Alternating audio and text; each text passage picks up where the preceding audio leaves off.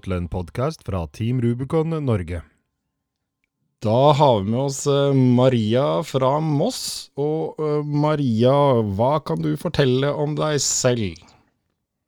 Jeg er eh, 52 år ung. Jeg er utdanna sykepleier. Jeg har tre voksne sønner på snart 30, 24 og 20. Og er gift med Stig, som også er en del av Team Rubicon.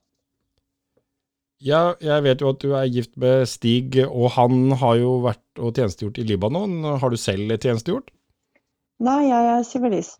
Eh, Vi er også medlem av NVO sammen med han, og vi er ofte på Forsvarets veteransenter, og så jeg er mye med når det gjelder, eh, gjelder oppdrag eller eh, ting som skjer da, gjennom eh, veteran, eh, Veteranforbundet bl.a.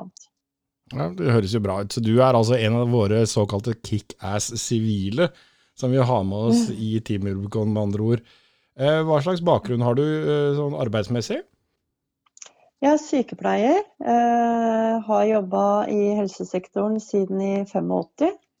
Eh, så jeg, har jeg vært litt uheldig med ryggoperasjoner og sånn, så jeg eh, ble uføretrygda i 2014. Og det passer veldig dårlig for meg, så jeg har da valgt å være frivillig bl.a. i Røde Kors. Men jeg har også jobba og vært frivillig for eh, ankomstsenteret i Råde i 2015, da vi hadde så stor pågang av asylsøkere. Eh, Og jobba som eh, miljøterapeut for enslige mindreårige på Kasper transittmottak i Våler.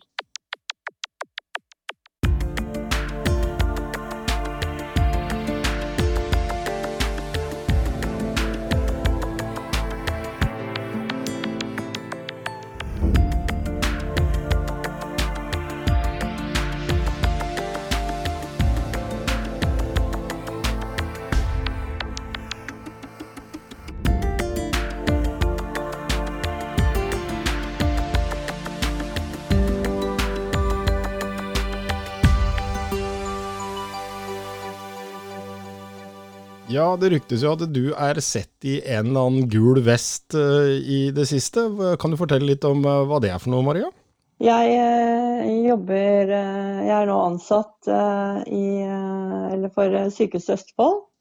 Og jobber ikke nå direkte som sykepleier, men jobber for vakt og sikring for å hindre smittespredning av koronaviruset. Så jeg jobber på akuttmottaket stort sett hver dag nå. Og jeg jobber jo mye frivillig til vanlig, men eh, det er jo på en måte en frivillig ting det her òg, men eh, nå i lønna. Lønna arbeid. Ja, hvordan er det? Du møter jo sikkert mye folk, eh, og de fleste av de som skal på sykehuset nå har jo en eller annen forbindelse med koronaviruset. Hvordan opplever du hverdagen der, hvor du står i, midt oppi det? Jeg eh, opplever jo at eh, det er mye engstelse. Det kommer mennesker som er eh, livredde, voksne mannfolk som gråter og er helt fortvila fordi de kanskje vet at de allerede har en underliggende sykdom som gjør at de er i risikogruppa. Eh, som kanskje har begynt å utvikle en del symptomer som store pustevanskeligheter, feber og bare den engstelsen. Eh, og engstelsen blir jo ikke noe mindre når jeg da som første, jeg er førstelinje som møter pasientene aller først på akuttmottaket. Som da kommer ut i, eh, med munnbind og hansker og briller og innimellom gult. Eh, gule forkle. Eh, og skal ta imot da navn og personalia og skal prøve å gjøre det så Altså alt på god avstand, to meter, og allikevel ivareta de menneskene jeg møter. Det er mye engstelse. Ja, det er jo forståelig. Det vi ser i media er jo selvfølgelig mye skremselspropaganda sånn i forhold til at de største, verste sakene slås opp. Men eh, det er jo klart at man tenker jo ikke på de som er inni det og kanskje er smitta og har den engstelsen der. Så det var jo interessante opplysninger å, å høre på den biten, fordi eh, det er jo faktisk en del som blir smitta. Og nå ser vi jo da eh, det kommer jo litt oppløsning i tiltakene. Barnehagene skal Mm. sette i gang sånn smått, skole skal sette i gang sånn smått. Og så er det denne smittevernsappen da, som nå vel 1,2 millioner har lasta ned. Men det er jo en del som sier det at eh, de nekter å laste ned en sånn eh, app, for da kan man altså eh, trackes uansett hvor man er i verden. Hva tenker du om, om, om dette? Dette er jo et tiltak som er satt i gang for å få en kollektiv oversikt. Ja, jeg har sjøl lasta ned eh, appen, og Stig har gjort det, og de jeg jobber sammen med har gjort det. Og jeg, jeg, jeg må si jeg stiller meg litt spørrende til hvorfor eh, mennesker er, eller noen, er altså ikke vil. Det, det, det forstår jeg ikke. Eh, Når det her er en Det er riktignok så har den appen kommet eh, raskt, og det kan jo godt vise seg i etterkant at eh, noe kanskje burde vært annerledes. Men jeg- jeg mener nå virkelig at det er egentlig det minste vi kan gjøre for det kollektive arbeidet. Det, det koster så lite, og tror Og når det gjelder eh, personvern, så er det ivaretatt. Det skal ingen bekymre seg for. Det blir jo litt humoristisk i dette hele, når man ser det at folk som legger, De verste til å legge ut dette, her, de legger de ut på Facebook, hvor du faktisk har gitt fra deg usannsynlig mye flere opplysninger, og, og trekkes og faktisk du ikke har personvern på den samme måten, for dette her er jo en, en sikker app som, eh, som sådan. Så, så det blir jo litt humor i det også på, på siden, men det er jo klart det at um, det som kanskje er det største problemet, er at det er veldig mange som ikke skjønner det at for første gang siden andre verdenskrig, så er det faktisk det eneste som da kan, og litt store gåseøyne, redde oss, er jo at kollektivet drar samme vei. Eh, Ja. Hvis noen bestemmer seg for at dette er en, en løsning, eller denne løsningen vil jeg kjøre, så det er klart at da får man jo ikke den effekten i, i folket som er. Så jeg har også lasta ned den appen og er ikke noe, no, no redd for det. Nå har vi hatt det første tilfellet her nede i Agder på sykehuset som er lagt inn, så det er jo Mm. klart at eh, dette her er ikke over på lenge. Vet du hva? Jeg personlig tror vi bare så vidt har begynt.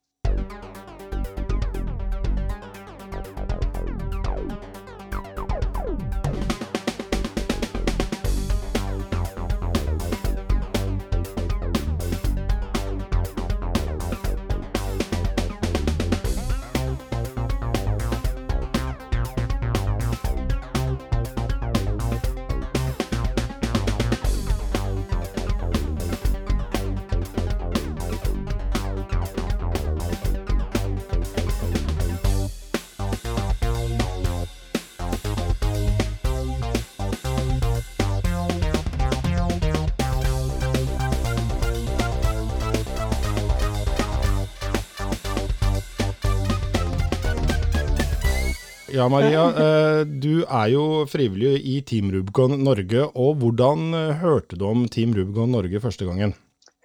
Jeg er jo da så heldig å ha en mann, som nevnt, som eh, er en veteran. Og han meldte seg inn som frivillig i, i Team Rubicon. Så sier Stig til meg at Maria, det her må jo virkelig være noe for deg. Eh, Ja, men er det ikke for veteraner? Ja, det skulle han sjekke opp. Så han sendte da en mail inn til eh, ledelsen i Team Rubicon og spurte om det var mulig for sivilister eh, som meg å bli medlem. Og da ble han spurt, og de ville gjerne vite litt om bakgrunnen min. Og når, de, når han da fortalte at jeg var sykepleier, så fikk vi tilbakemelding om at eh, det var kjempefint hvis jeg ville være frivillig for Team Rubicon. Og da meldte jeg meg inn, og det var i eh, mars måned i eh, 2019. Et av de spørsmålene Team Rubicon Norge får mest, det er jo da at er dere bare en organisasjon for veteraner?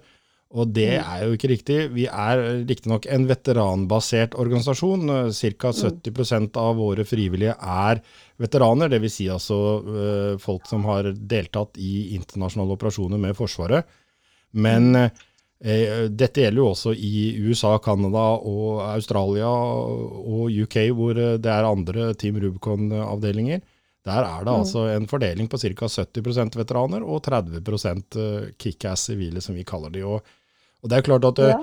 i den sivile biten så er eh, sykepleiere, politifolk, brannfolk, folk, altså såkalt Mm. førstelinjes hjelpere, er jo noe av de vi har flest av. Men vi sier heller ikke nei til de som da ønsker å være med, som brenner bare for å gjøre noe. fordi Det som skjer når vi kommer ut i felt, så er vi alle såkalte gråskjorter. Vi er alle frivillige, og det spiller ingen rolle om man er eh, konge, prest eller toller. Eh, Alle er i utgangspunktet ute etter å gjøre den samme jobben. Og det er klart at da har man en spesialisering i en eller annen form, f.eks. sykepleier, så, så er det klart at da åpner det plutselig litt flere muligheter for å spesialisere seg når, de, eh, når vi reiser ut på oppdrag. Eh, Så, men det er veldig, veldig viktig at eh, vi, vi nekter ingen, så hvis man har en bakgrunn eller bare brenner for å gjøre noe, så, så er alle velkomne som frivillige hos oss. Det er jo sånn jeg har opplevd også. Og jeg så jo bare i fjor våres hvor eh, det var eh, oppdraget med hashtag Fem for.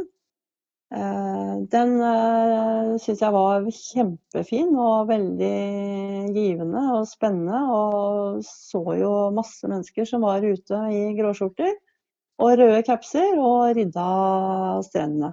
Ja, det var jo en eh, ganske vellykka aksjon sånn i forhold til at uh, mengdemessig så, så ble det jo ikke så, så mange tonn eh, sånn sett. Men uh, hvis vi tenker på f.eks. i Oslo, vi hadde en av de største aksjonene, så var det altså ganske mange hundre kilo med, med søppel. Og, og når du tenker på at de fleste tingene du plukker er ting som veier noen få gram, så, så ble det Ja. ganske mye. Så, så det, var, det var veldig bra. Og det er jo klart at det er jo ikke over. Det er, plasten er jo fortsatt i havet, og det er fortsatt forsøpling, så vi skal forsøke å, å kjøre videre på det. Eh, Men når du uh, meldte deg inn som frivillig i Team Rubicon Norge, uh, hvordan ble du tatt imot da?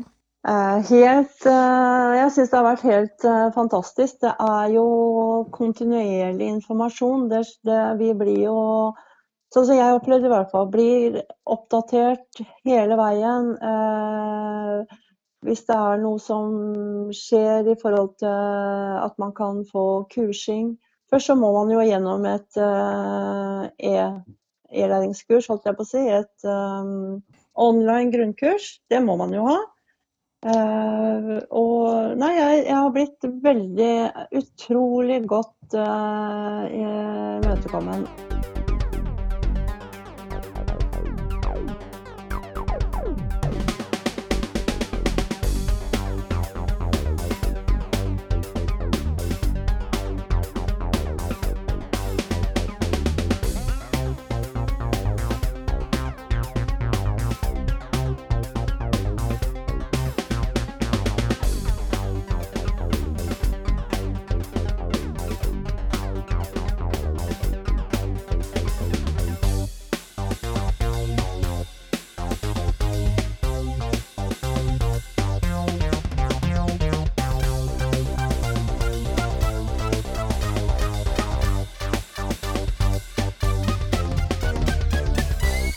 Når det da ble sendt ut eh, forespørsel om eh, det var noen som hadde mulighet til å bidra etter eh, orkanen Dorian på Bahamas i november i fjor, så tenkte jeg det at jeg melder meg på. Og jeg tenkte at jeg kommer helt sikkert ikke med, men da ser de navnet mitt. Du klarte jo å komme deg med til Bahamas, og hva tenkte du da når du fikk den meldingen? Vet du hva? Det var eh, Det er noe av det største jeg har eh, kjent på i eh, voksen tid. Det, var altså, da var vi forresten på Forsvarets veteransenter når vi fikk den mailen. Og ja, altså det, det var så stort for meg at jeg, at jeg skulle få lov til å være med på det. Det var helt enormt. Da, men da måtte jo ting skje litt fort, da. Eh, og det var ikke så enkelt, for jeg, eh, jeg vet at ledelsen sendte ut en mail, eh, at mailen kom ut på en torsdag. Og vi var som sagt på Bæreia, og jeg leste den mailen på fredag. og jeg bare, Det var som julaften og nyttårsaften og bursdag alt på en gang. altså når jeg så at jeg Gratulerer, Maria, du er en av de som skal få være med til Bahamas. Her er det du må gjøre. Ja, nei, det er jo klart at eh, oppdrag det kommer jo ofte på kort varsel. Så hvor lang varsling fikk du fra du fikk eh, beskjed om at du skulle være med til du dro, da? Vi dro, jeg, jeg leste da mailen på fredag, og vi dro på onsdag. Så eh, det var eh, Nei, vi dro på torsdag. Unnskyld. Vi dro på torsdag. Tidlig torsdag morgen. Ok, Maria, hvor lang tid tok det fra du fikk meldingen om at du skulle reise til Bahamas, til du faktisk sto på Gardermoen? Fem dager. Fem dager. Det er jo faktisk eh, ganske lang tid i forhold til varslingen noen ganger, for noen ganger er det to til tre dager. Men Mm. eh, det er jo greit. Men uh, i forhold til det når du møtte opp på Gardermoen og reisen, hvordan uh, var det? Ja, vet du hva, det var Jeg kommer dit, jeg kjenner jo ingen. Og jeg kommer dit, og det er klemming, det er hilsing, det er uh, Altså, det var som vi hadde kjent hverandre en evighet. Vi eh, Ja, det var en flott gjeng, altså. Det var en flott gjeng. Ja, og for de lytterne da som lurer på det, så var dette lenge før korona, så her var det helt innafor med klemming. Ja. Ja. Dette her var i november. Ja, du føler at du ble tatt godt imot, altså? Ja. Så det å være frivillig i Team Rubicon og skulle møte opp på oppdrag, og du er alene i gåstein, alene, fra du møter første gråskjorta og den røde capsen, du, da er du aldri alene igjen. Du har venner for livet. Ja, det høres jo veldig bra ut. Eh, reisen over var jo kanskje den korteste, men gikk det greit? Ja, det gikk kjempegreit. Og jeg satt jo ved siden av en uh, sykepleier, eh, eh, Jorunn, eh, over. Og vi hadde jo masse å prate om, og vi drev med noe spill og vi leste litt og vi sov litt. Så vet du hva, at eh, jeg trodde at de 10-12 timene der skulle tatt så mye lengre tid, men det gikk så fort. Ja, dere eh, fløy jo via Miami, vet jeg, og så endte du opp på Bahamas. og hvordan var det å komme frem dit? Ja, det var, For det første så var det jo veldig varmt, det er jo én ting. Men eh, for det andre så så vi jo når vi eh, kom flyvende ned mot eh, Gran Bahamas, så så vi jo alle tretopper var jo borte. Alle, all, absolutt alt som var av trær, var kutta midt på. Det, vi så hangarene var blåst i filler. Fly Småfly lå strødd innover i skogen.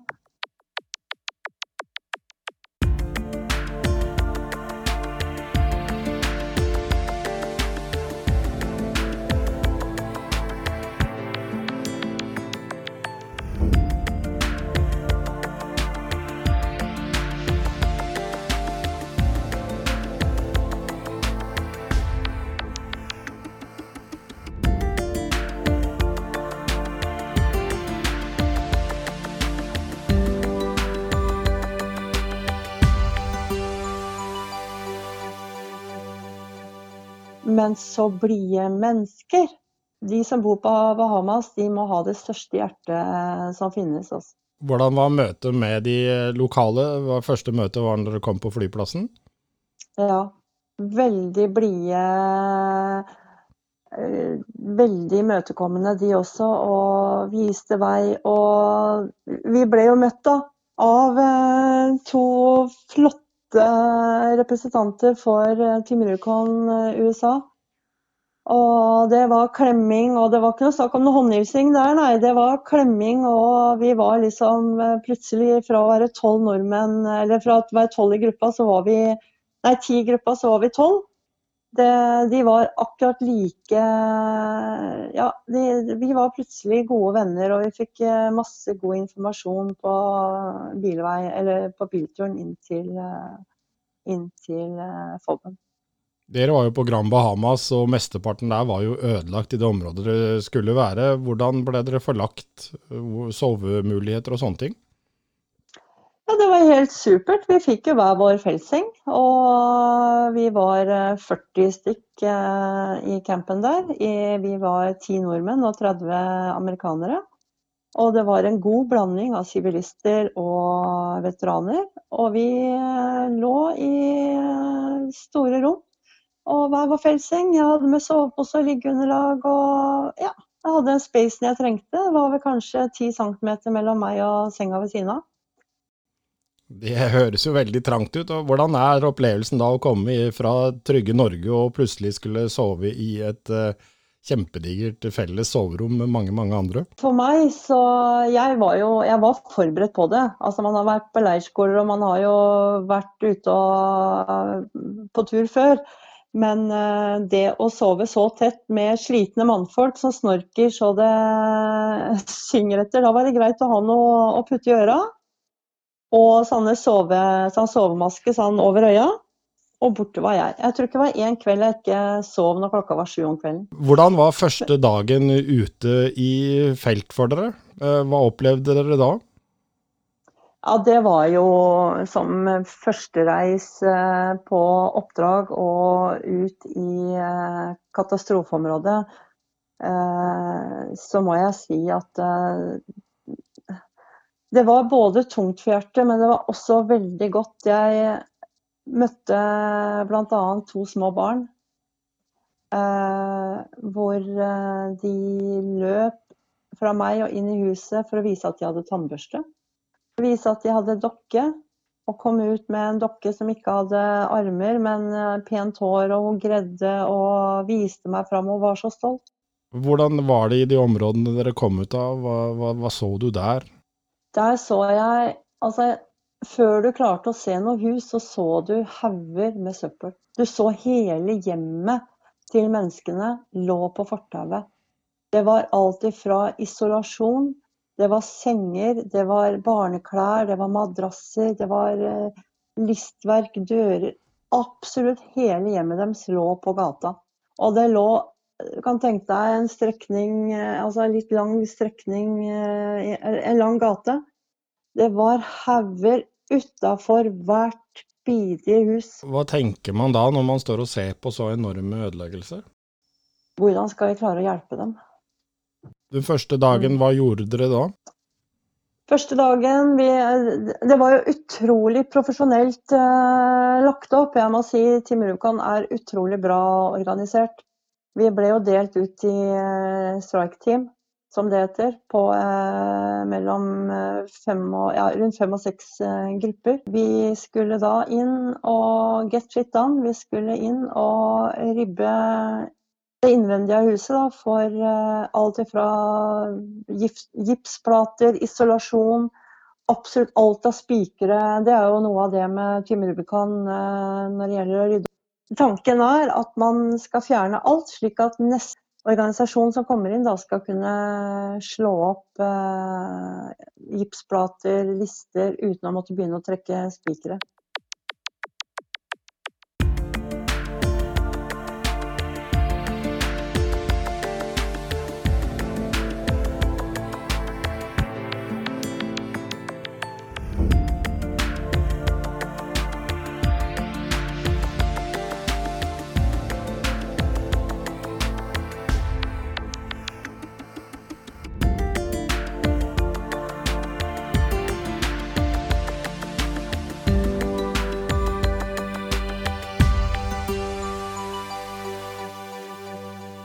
Når dere var ute på oppdrag, eh, traff dere da på de som eide husene?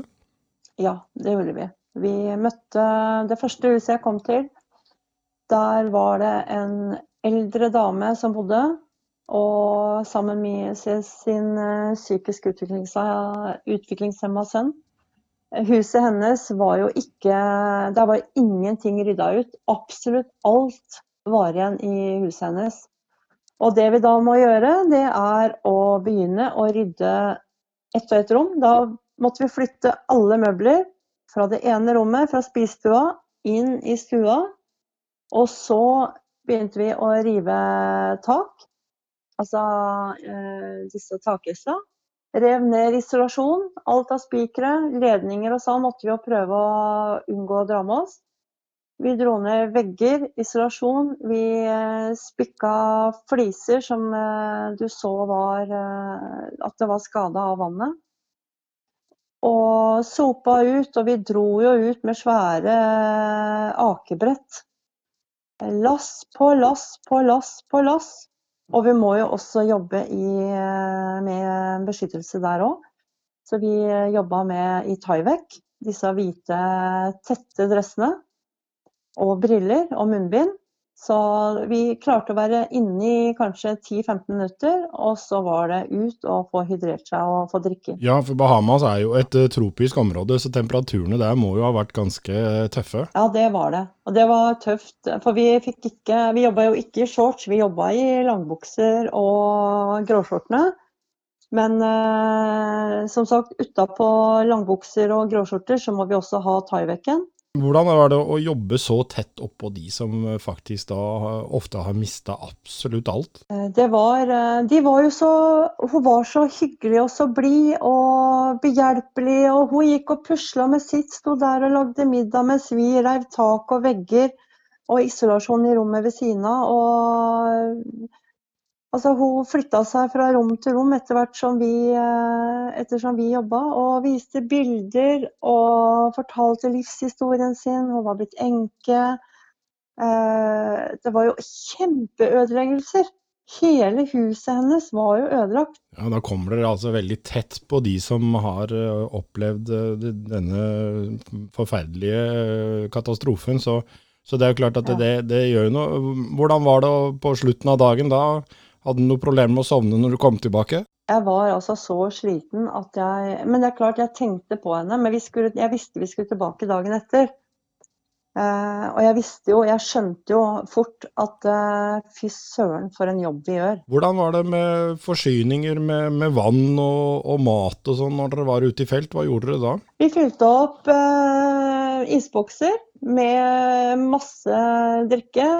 Vi, det var energidrikk, eh, og det var eh, mye vann. Så kjøpte vi is på morgenen, som vi da hadde oppi isboksen. Og sånn at vi hadde kaldt drikke for hånden hele tiden. Og var det litt eh, Begynte å bli litt tomt, så var det bare å ta en telefon inn til FOB-en, og så kom de pina etter meg kjørende ut med nytt drikke. Du sier FOB-en, det er sikkert ikke alle som vet hva det betyr. Hva er en FOB? Ja, det Jeg vet jo nesten ikke sjøl, men eh, Forward Operation Base.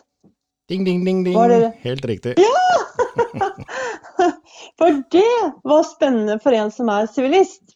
For det skal sies at uh, i Team Rubicon så er det militære uttrykk som uh, gjelder.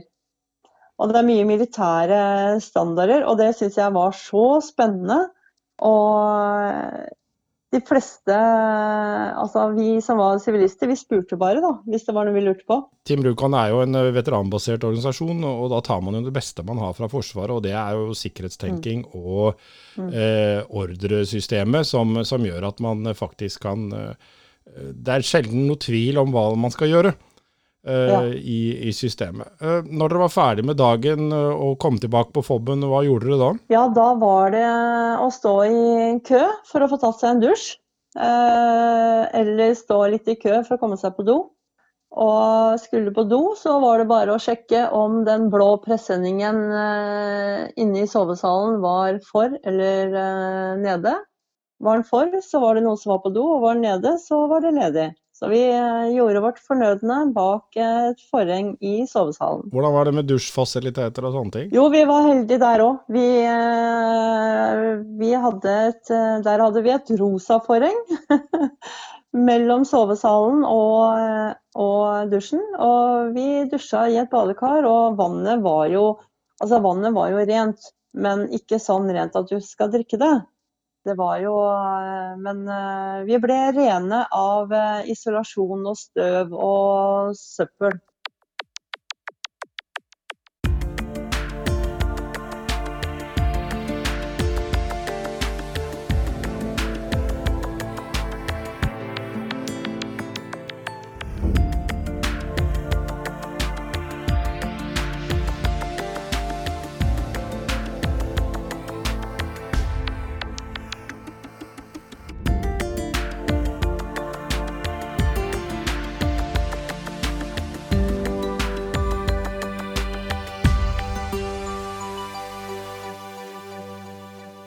Hvordan var det med maten og sånn på middagstider? Hva fikk dere servert da? Ja, da var det Det var jo den buffeen. Fordi det var lokale Det var noen lokale som Sånn pubrestaurant som eh, sto for all middag. Og de lagde alt ifra kyllinger og squash og grønnsaker og poteter og ja, you name it. Altså. Det var absolutt alt du kunne ønske. Eh, ja, Maria, hvor lenge var dere på Bahamas med, på oppdraget? Alt i alt så var vi borte i 16 dager. Det var med reise. Så dere fikk en god del dager ute i feltet på Bahamas, med andre ord? Ja, det gjorde vi. Det gjorde vi. Vi hadde én fridag, og det var uh, den amerikanske Eller altså uh, den off offentlige amerikanske veterandagen. Det er Så vi riktig. har 8. 8. mai, og de Jeg husker ikke hvilken dato det var. Men da hadde vi fri, og da ble vi kjørt eh, Kjørte vi minibusser ned til eh, stranda og til en strandpub. Og da snorkla vi og svømte og kosa oss, eh, kosa oss veldig. Ja, så når man reiser på oppdrag, så er det ikke bare hardt arbeid og, og blodslitt hele dagen. Nei, absolutt ikke. Og tilbake til det med Vi snakka om det med middag. Og for altså vi, de fleste prøvde å få seg en dusj og gjort seg rene, i hvert fall, før middag. Og så ble jo ølflagget heist. Eh, Det er jo også en sånn militær ting at man, eh, har jeg lært, at eh, ølflagget heises sånn eh, litt rett før middag. Og da er det maks holde seg til to øl, maks, for de som drikker øl, da. Eh, På kveldinga da så gikk eh, altså lederen eh, for hele FOB-en, eh, hun eh, stilte da mm, Altså ga hver strike-team-leder muligheten til å oppsummere dagen. Hva vi hadde sett og hørt og opplevd, og hva vi hadde gjort. Og det, det syns jeg var veldig fint å få høre hva de andre hadde gjort, men også få satt litt ord på hva vi sjøl hadde opplevd. Ja, Så det var bra organisert og, og gode sosiale ordninger på kveldstid, med andre ord. Ja, ja, ja. Det var eh, Vi satt eh, rundt borer, border og vi flytta på og det var ikke noen faste plasser. Det var ikke noe Det var ingen grupperinger. Og det var ikke én eneste uenighet. Altså, vi De, de 40 menneskene som var på den rugby Det var en rugbyklubb vi fikk låne. Altså, vi var Det, det, det, jeg har ikke opplevd eh, maken til samhold. Ikke i sånn. hele tatt. Tenker du da at eh, alle kjente hverandre fra før av, da, eller var det grunnen til at det var sånn, eller er dette bare en del av Team Rubicon On, at det, sånn er det bare? Sånn er det bare. Det her var det Noen av de amerikanske hadde jo vært ute på oppdrag sammen. Det var, ikke, ja, det var kanskje en håndfull. Og det var kanskje noen få fra de norske som hadde vært ute sammen også. Men eh, du, om ikke du hadde vært ute og ikke hadde møtt noen, du var altså gode venner. Og jeg har jo, har jo fått mange amerikanske venner etter dette. Ja, du som kommer inn som en fersking, og du har jo ikke engang vært ute i militærtjeneste, så, så hvordan følte du Følte du at det ble liksom eh, brukt mot deg på noen måte, eller eh, følte du at du ble akseptert for den du var uansett? Jeg ble så akseptert for akkurat den jeg var, uansett om det var utdanning eller ikke. Mennesket Maria ble så godt uh, ivaretatt. Og, og du Altså, det, det er Tim Rubicons ånd, altså. Det er å ta vare på hverandre. Ja, Du kjenner vel til regel nummer én og to? Regel nummer én, don't be a dick. Det betyr jo rett og slett ikke være en drittsekk. Og regel nummer to Ja. er get shit done.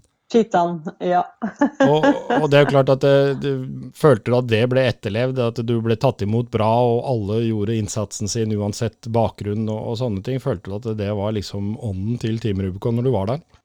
Ja, absolutt. Og det var ingen forskjell om du var eh, veteran eller sivilist. Og jeg ble jo litt sånn krom der, da. For jeg, eh, jeg, jeg liker å sette ord på ting, og jeg liker å få folk til å le. Og så er jeg ikke så god i engelsk, trodde jeg. Men, eh, så jeg fikk i hvert fall mange til å le da når jeg begynte å skulle prøve å sette ord på dagen min. Og hvis det var noe morsomt vi hadde opplevd. For det ville de gjerne vite.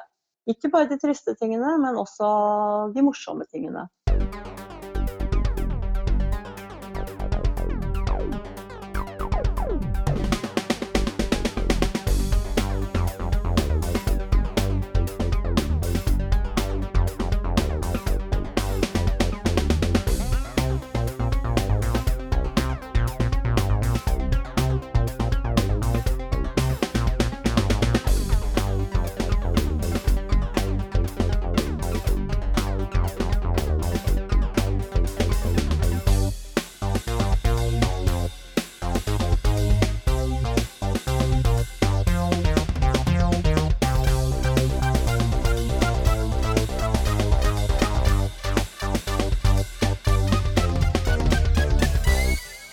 Som alle eventyr så tar jo det slutt en gang, og så reiste dere hjem selvfølgelig. Eh, Det var vel en tilsvarende lang hjemreise.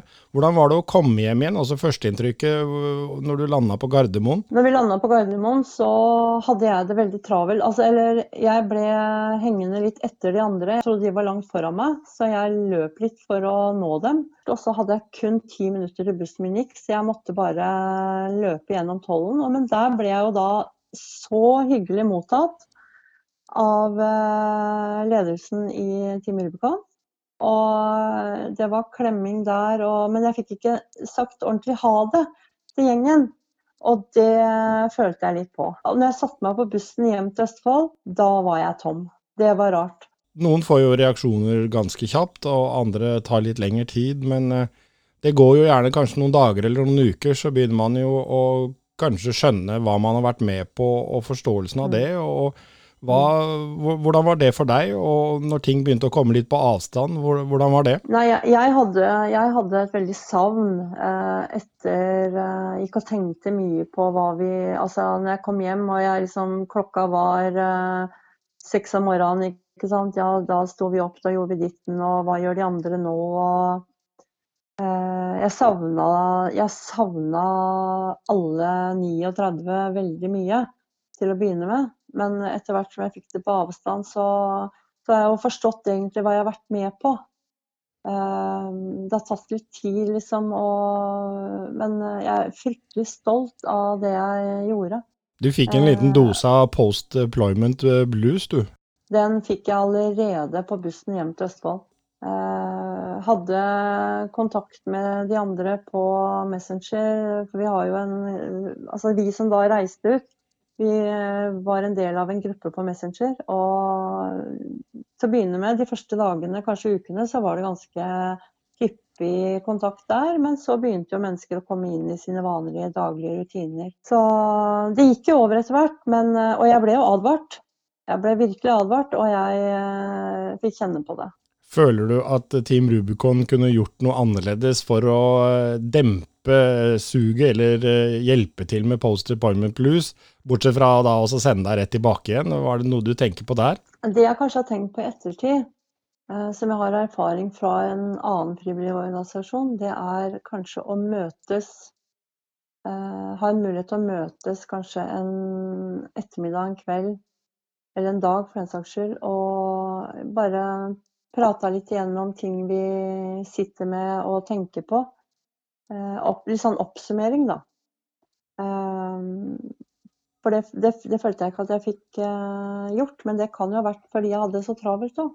Hvordan har du det i dag? Nå har du jo fått ting ganske bra på avstand. Ja, jeg er jo bare så klar for å reise ut igjen, og jeg skulle jo vært uh, ute i Australia, på Australia, eller på tur til Australia. Jeg skulle reist 18. men eh, det satte koronaviruset en stopper for. Så, men jeg er jo så klar for nye oppdrag. Om det er fem for hvalen, eller om det er eh, opprydding etter eh, flommer her hjemme eller andre ting. Og nå tenker jeg etter koronakrisa så kommer det til å kunne komme masse lokale mm, oppdrag som Team Rubicon antageligvis kommer til å ta tak i. Da skal du ha stor takk, eh, Maria, for at du stilte opp på dette. Det var sporty. Og så får du kose deg videre og uh, nyte vårværet der du er. Jo, i like måte, Frank. Jeg regner med at det er flott nede i Risør. Her skinner sola, så nå skal jeg ut og jobbe i hagen, så nå gidder jeg ikke å prate noe mer med deg. Nei. ha en fortsatt fin søndag, Frank, og takk skal du ha. Du også, takk skal du ha. Ha det bra. Jo, ha det godt, da. Og nå får vi reklame. Musikken i dette innslaget er laget og produsert av Gjøran Dahl, og han kan du høre mer av på Spotify, iTunes og YouTube.